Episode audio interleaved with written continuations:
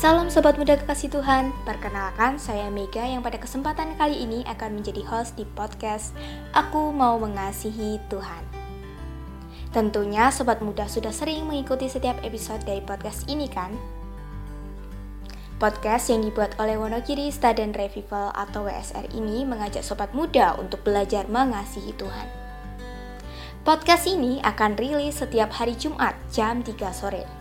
Jadi, setialah mengikuti setiap episodenya ya.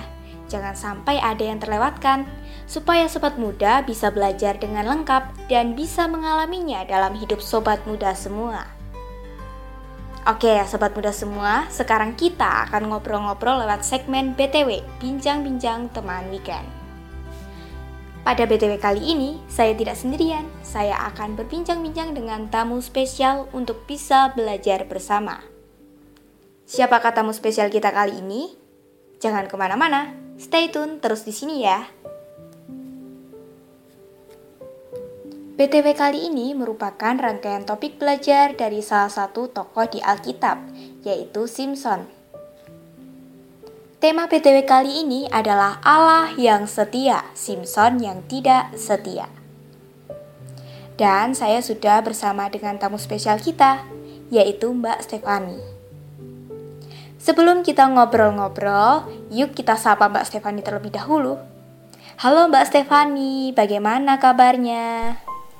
Halo Mega dan sobat muda semua, bersyukur kabar saya baik dan saya juga sehat. Kalau Mega sendiri, bagaimana kabarnya? Puji Tuhan, kabar saya baik. Bersyukur saya juga sehat, Mbak. Oke, Mbak, langsung saja.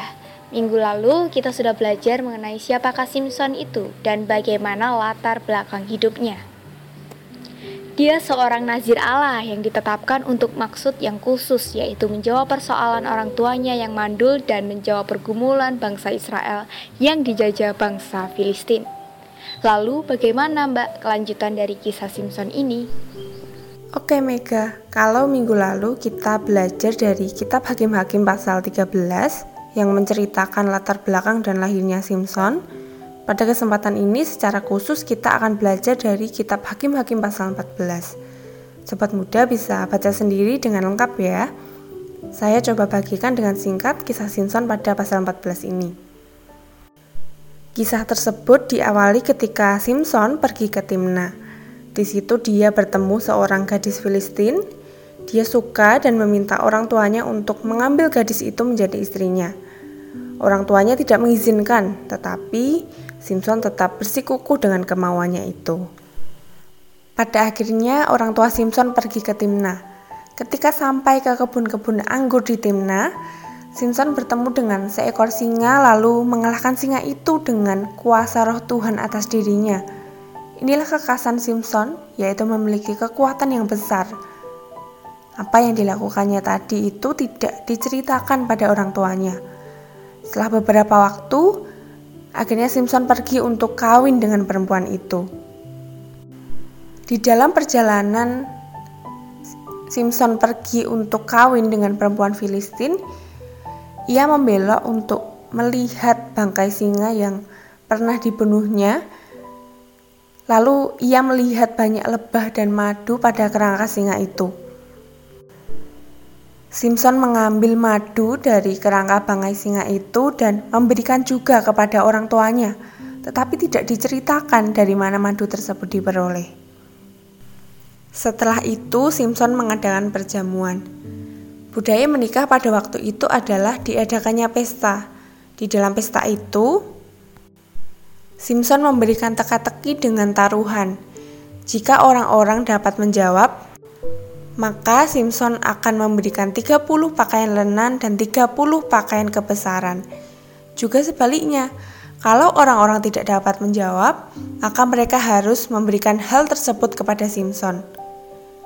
Kemudian orang-orang tadi memujuk istri Simpson untuk memberitahu jawaban dari teka-teki itu. Istrinya sampai menangis sambil memeluk Simpson selama tujuh hari, dan akhirnya diberitahu juga jawaban teka-teki itu pada istrinya.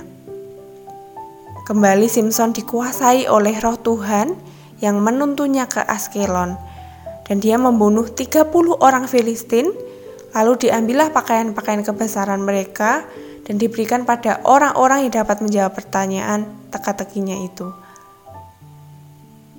Pulanglah Simpson ke rumah ayahnya dengan kemarahan. Lalu ayahnya memberikan istri Simpson pada kawannya. Jadi itu tadi Mega kisah secara singkat Simpson pada Hakim-Hakim 14. Wah, menarik ya sobat muda kisah Simpson ini. Lalu sikap-sikap Simpson yang mana ya mbak yang sebenarnya sedang tidak menaati Tuhan? Dan mengapa Tuhan mengizinkan hal itu terjadi? Ada banyak hal yang bisa kita perhatikan ya dari tokoh Simpson ini. Kita ingat pelajaran minggu lalu, Allah menetapkan Simpson menjadi nazir Allah. Maka semestinya hidup Simpson ini tidak sembarangan. Simpson pasti tahu kalau dia adalah seorang nazir Allah dan pasti dia tahu juga hukum tentang kenaziran Allah. Nazir Allah tidak boleh menyentuh bangkai, tidak boleh minum anggur, tidak boleh mencukur rambut. Sobat muda bisa baca dengan lengkap di bilangan 6 ayat 1 sampai 21. Tetapi Simpson sombong dan sembrono, termasuk keputusan dia mengambil istri dari bangsa lain. Dia mudah tertarik oleh perempuan dia tidak bisa menguasai dirinya. Dia memiliki standar hidupnya sendiri. Sama saja dia menyamakan diri dengan Allah. Simpson sembrono mengambil madu dari kerangka bangkai singa. Bahkan diberikan kepada ayah dan ibunya juga. Dan ia tidak cerita ketidaktaatan yang disembunyikan tadi itu bisa menimbulkan ketidaktaatan bagi pihak lain juga. Selain kecerobohan, Simpson juga menyepelekan hukum kenaziran. Simpson tidak menyesali dosa-dosanya, tetapi malah justru ia memakai itu menjadi teka-teki, sebuah candaan, memperkuat kesan kesembronoan Simpson ini. Selain itu, dia juga mengadakan pesta dan kemungkinan besar ada minum-minum anggur juga pada pesta itu. Lalu pertanyaannya, apakah ketidaksetiaan, ketidaktaatan Simpson kepada Allah tadi itu bisa dibenarkan? Simpson adalah seorang nazir Allah dan memang Allah menghendaki supaya Simpson mencari gara-gara terhadap orang Filistin untuk memulai penyelamatan bangsa Israel dari kuasa orang Filistin. Tetapi ketidaktaatan Simpson tetap tidak bisa dibenarkan. Allah tidak mungkin merancangkan perbuatan dosa untuk dilakukan orang percaya supaya mendatangkan kebaikan. Yang harus diperhatikan adalah yang dirancangkan Allah adalah tentang mencari gara-gara dengan orang Filistin untuk melepaskan bangsa Israel dari kekuasaan orang Filistin. Maka kata dari Tuhan asalnya pada Hakim-Hakim 14 ayat 4 saya bacakan ya. Tetapi ayahnya dan ibunya tidak tahu bahwa hal itu daripada Tuhan asalnya.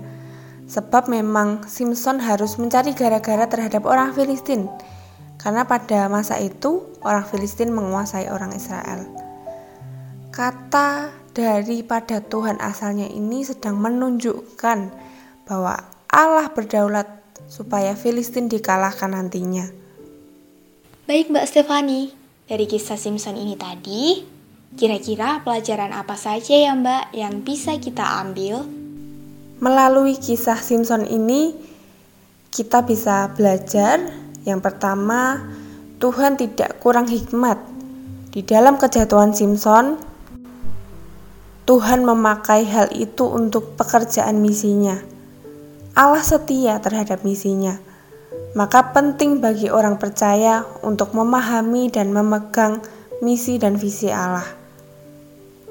Yang kedua, seorang hamba Allah seperti Simpson tetap punya kelemahan kedagingan.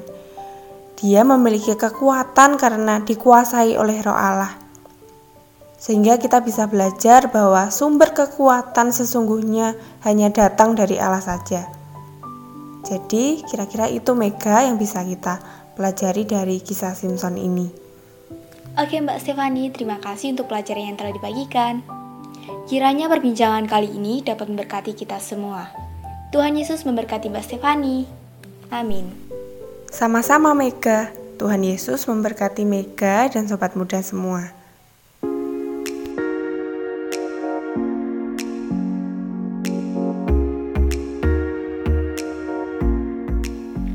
Sobat muda kekasih Tuhan, senang sekali ya hari ini kita bisa belajar bersama lewat bincang-bincang teman weekend.